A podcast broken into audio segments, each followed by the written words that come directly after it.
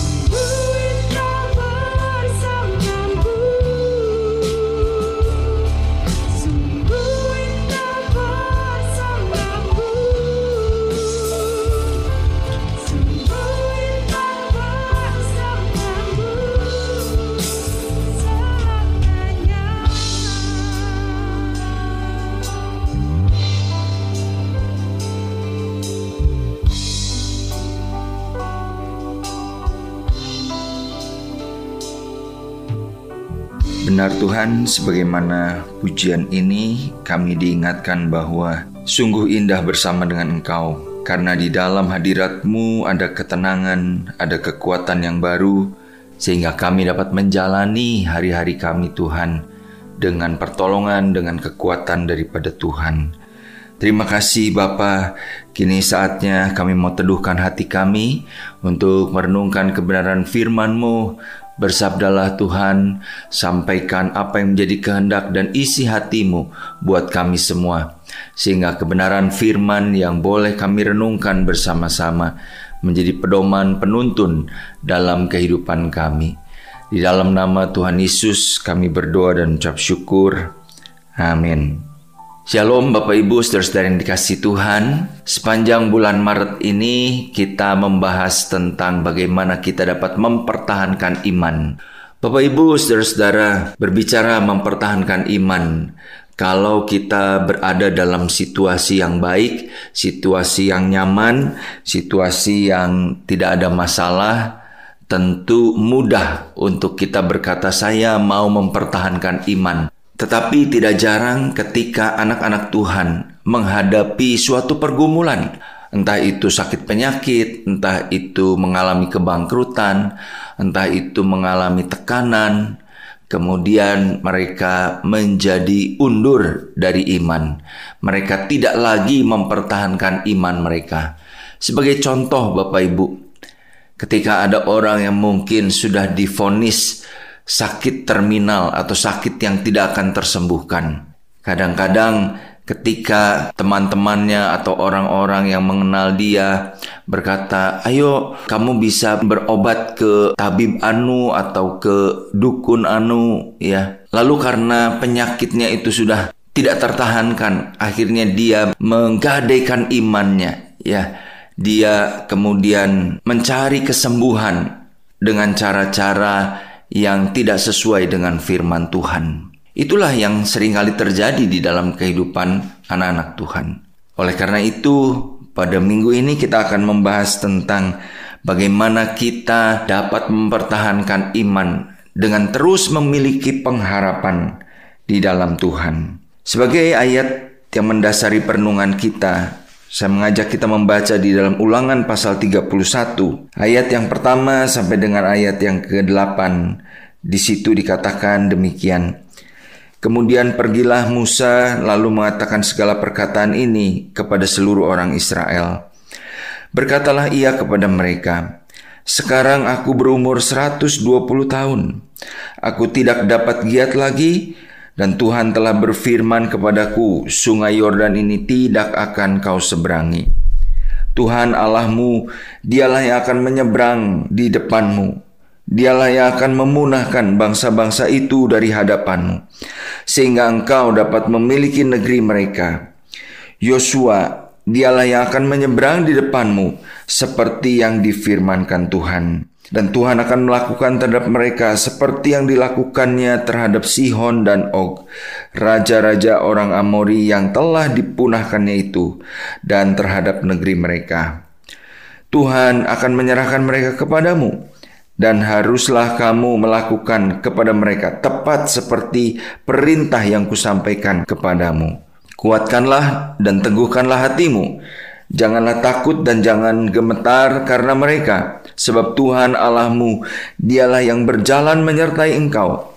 Ia tidak akan membiarkan engkau dan tidak akan meninggalkan engkau. Lalu Musa memanggil Yosua dan berkata kepadanya di depan seluruh orang Israel, Kuatkanlah dan teguhkanlah hatimu, sebab engkau akan masuk bersama-sama dengan bangsa ini ke negeri yang dijanjikan Tuhan dengan sumpah kepada nenek moyang mereka untuk memberikannya kepada mereka, dan kau akan memimpin mereka sampai mereka memilikinya. Sebab Tuhan, Dia sendiri akan berjalan di depanmu. Dia tidak akan membiarkan engkau dan tidak akan meninggalkan engkau. Janganlah takut dan janganlah patah hati. Bapak Ibu, saudara-saudara yang dikasih Tuhan, kita melihat di sini di dalam perjalanan hidup bangsa Israel sebelum mereka memasuki tanah Kanaan. Musa sebagai pemimpin besar dari bangsa Israel. Tuhan sudah berkata bahwa karena satu kesalahan yang dibuat oleh Musa, maka Musa tidak akan memasuki negeri Kanaan tersebut. Dan tentunya Bapak Ibu Saudara-saudara, kondisi ini merupakan satu kondisi yang menakutkan ya, membuat mereka menjadi gamang terhadap apa yang akan mereka hadapi. Terlebih khusus bagi Yosua yang ditunjuk untuk memimpin bangsa ini menaklukkan negeri Kanan tersebut. Nah, Bapak Ibu, saudara-saudara yang dikasih Tuhan, hal ini bisa menjadikan Yosua tawar hati karena dia sekarang mengemban tanggung jawab yang besar dalam memimpin bangsa Israel. Dia memiliki mungkin bayang-bayang otoritas dan wibawa Musa yang karismatis dan lebih menakutkan lagi mungkin karena sekarang tidak ada lagi orang yang dapat dia mintai saran atau nasihat karena tidak lama kemudian Musa diangkat oleh Tuhan atau meninggal dunia. Nah Bapak Ibu saudara-saudara sering kali keadaan kita ini seperti Yosua. Menghadapi problematika hidup tanpa ada yang dapat kita jadikan pegangan. Menghadapi keadaan ekonomi yang tidak menentu Mungkin ketika usaha atau pabrik masih menguntungkan, kita akan menjalani kehidupan ini tanpa masalah. Tetapi ketika semua itu tidak lagi dapat kita andalkan, seperti mungkin keadaan sekarang ini, usaha mengalami banyak penurunan di tengah-tengah pandemi yang terjadi. Mungkin kita menjadi takut, kita menjadi khawatir. Permasalahannya di dalam kondisi seperti itu, apakah kita tetap memiliki pengharapan kepada Tuhan atau iman kita menjadi gugur iman kita menjadi luntur karena kita tidak lagi menaruh pengharapan kepada Tuhan. Nah, Bapak Ibu, saudara-saudara yang dikasih Tuhan, apa yang Tuhan firmankan untuk meneguhkan Yosua? Yang pertama, Bapak Ibu, di sini kita melihat di dalam ayat yang ke-8. Sebab Tuhan, Dia sendiri akan berjalan di depanmu. Dia sendiri akan menyertai engkau. Dia tidak akan membiarkan engkau dan tidak akan meninggalkan engkau. Janganlah takut dan janganlah patah hati. Bapak Ibu, saudara-saudara, ada satu janji Tuhan yang luar biasa bagi Yosua dan bangsa Israel sebelum mereka melangkahkan kaki ke tanah perjanjian atau tanah Kanaan. Tuhan mengingatkan kepada Yosua bahwa dia adalah Tuhan yang selalu berpegang kepada janji. Apa janjinya? janjinya bahwa dia sendiri akan berjalan di depanmu. Dia sendiri akan menyertai engkau. Untuk apa? Untuk memasuki negeri yang Tuhan sudah janjikan dengan sumpah kepada nenek moyang mereka. Bapak Ibu, saudara-saudara, ini merupakan satu janji yang luar biasa yang Tuhan berikan kepada Yosua dan bangsa Israel. Tuhan berkata bahwa kalau engkau tetap taat dan berpegang kepada firman Tuhan, maka aku akan memberikan tanah ini menjadi milikmu. Karena aku tidak akan meninggalkan engkau. Kuncinya adalah apa ayat yang ke-8 tadi jangan takut dan jangan patah hati. Bapak Ibu Saudara-saudara, apa tantangan yang Bapak Ibu saat ini sedang hadapi? Apa pergumulan yang saat ini sedang menekan kehidupan kita? Sehingga kita menjadi takut, sehingga kita menjadi khawatir, atau kita menjadi patah semangat, patah hati, tidak lagi memiliki pengharapan. Ingatlah bahwa Tuhan yang kita sembah di dalam Tuhan Yesus Kristus adalah Tuhan yang berpegang kepada janji. Kalau dia berkata, "Aku akan menyertai engkau, aku akan berjalan di depanmu, aku tidak akan meninggalkan engkau." Imani itu, pegang janji itu, dan biarlah pengalaman rohani bersama dengan Tuhan yang tidak pernah meninggalkan kita itu akan membuat kita memasuki kehidupan yang sungguh terus-menerus kita dapat mempertahankan iman kita. Bapak Ibu, saudara-saudara yang dikasih Tuhan, jangan menyerah ketika kondisi atau keadaan tidak seperti yang kita harapkan. Jangan putus asa ketika tantangan yang ada di hadapan kita sepertinya begitu besar. Tetaplah berpegang kepada janji Tuhan. Dia Allah yang tidak pernah mengingkari janjinya. Kemudian, yang kedua, yang kita dapat pelajari dari kisah Yosua ini adalah Musa mengingatkan kepada Yosua, "Kuatkan dan teguhkanlah hatimu." Nah, Bapak Ibu yang dikasih Tuhan, ayat yang keenam berkata, "Kuatkan dan teguhkanlah hatimu, jangan takut dan jangan gemetar karena mereka." Sebab Tuhan Allahmu, dialah yang berjalan menyertai engkau. Dia tidak membiarkan engkau dan tidak meninggalkan engkau. Bapak Ibu, dua kali Musa mengatakan, "Tuhan tidak akan membiarkan engkau dan tidak akan meninggalkan engkau." Nah, Bapak Ibu, berarti ini sebuah penegasan bahwa demikianlah Tuhan akan bekerja, akan memimpin kehidupan Yosua dan bangsa Israel dalam memasuki tanah perjanjian. Tetapi Bapak Ibu, saudara dan kasih Tuhan, apa yang kemudian uh, Tuhan minta kepada Yosua dan umat Israel. Ayat tadi mengatakan kuatkan dan teguhkanlah hatimu. Lalu di ayat yang ketujuh diulang kembali.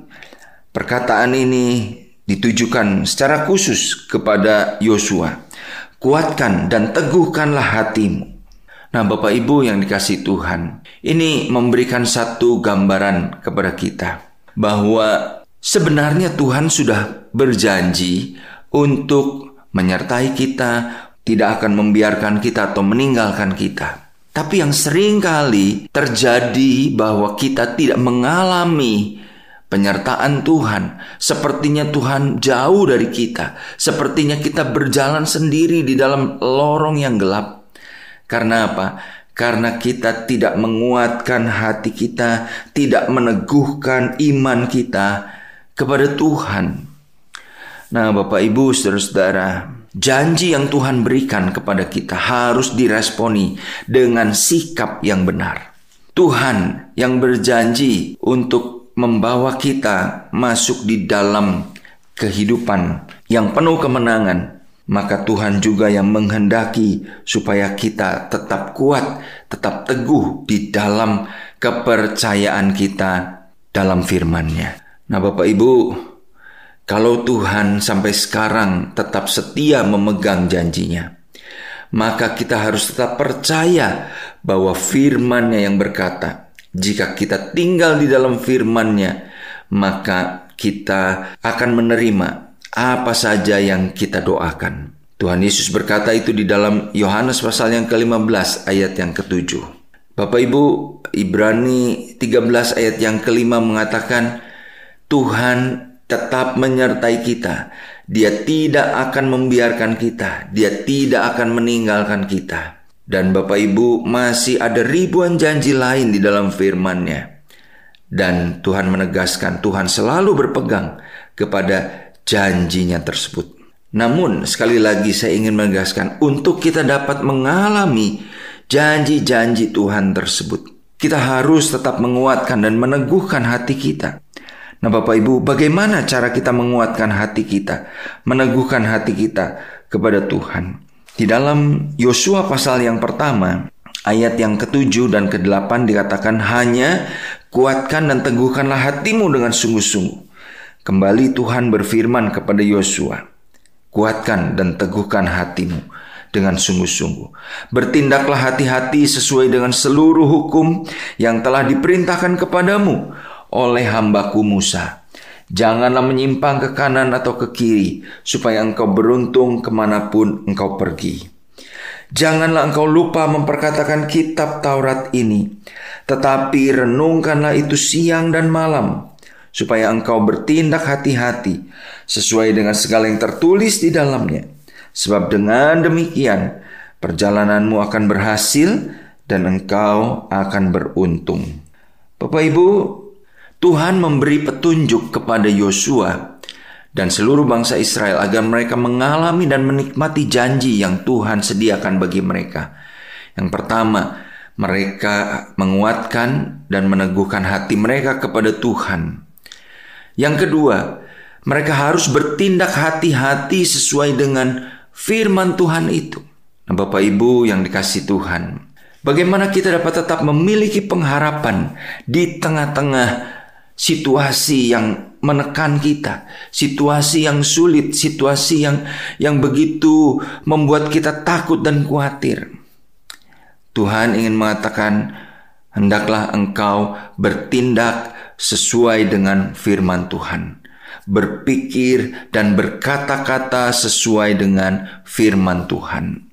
Bapak Ibu, sering kali ketika masalah datang dalam kehidupan kita, apa yang keluar dari mulut kita.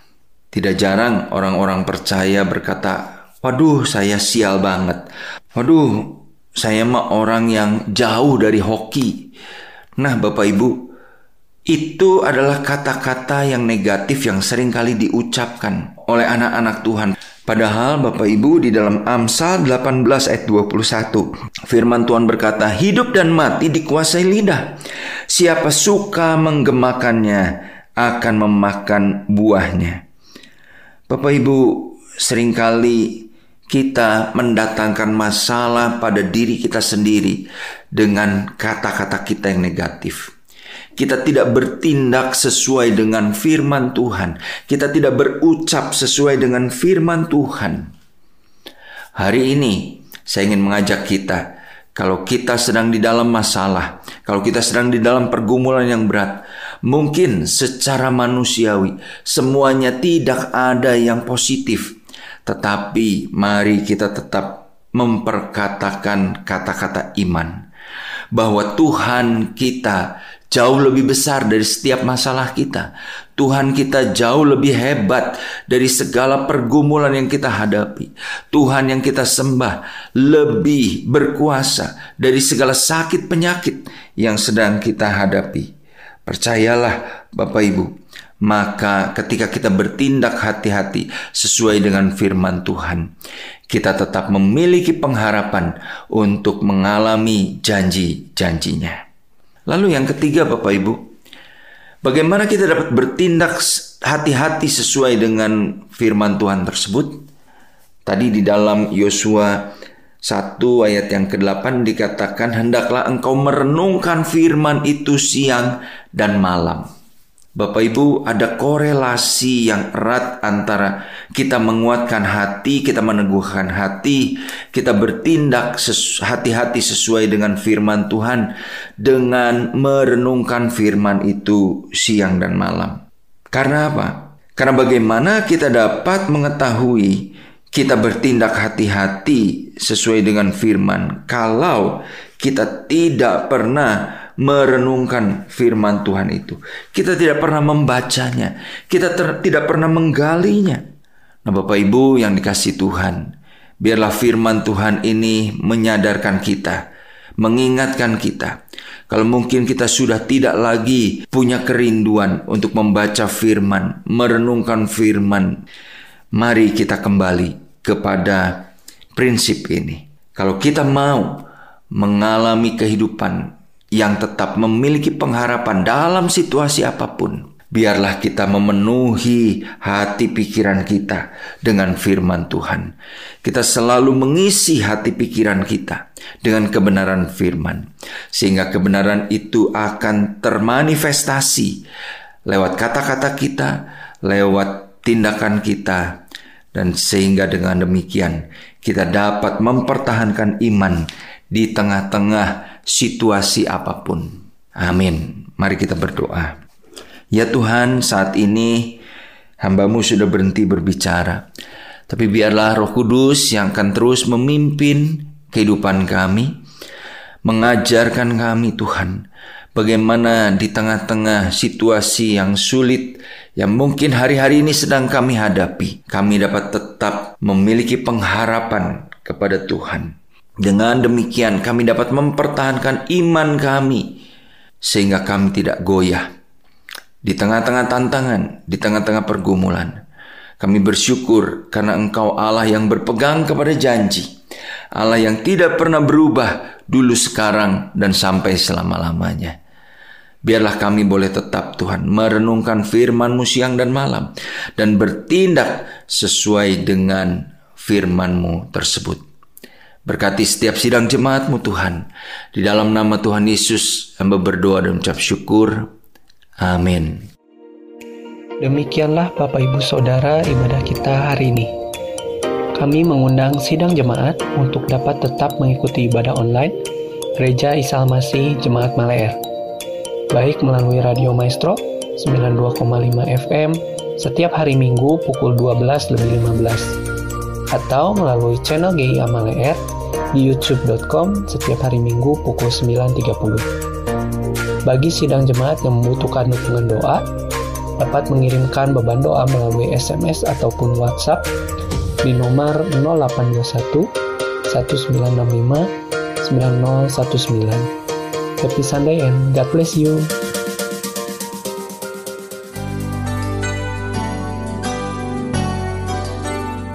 Sobat Maestro, Anda baru saja mendengarkan ibadah minggu bersama Gereja Isa Almasi Jemaat Maleer. Anda dapat mendengarkan siaran ulangnya di Maestro Radio Bandung YouTube channel. Terima kasih atas kebersamaan Anda. Selamat hari Minggu dan Tuhan memberkati.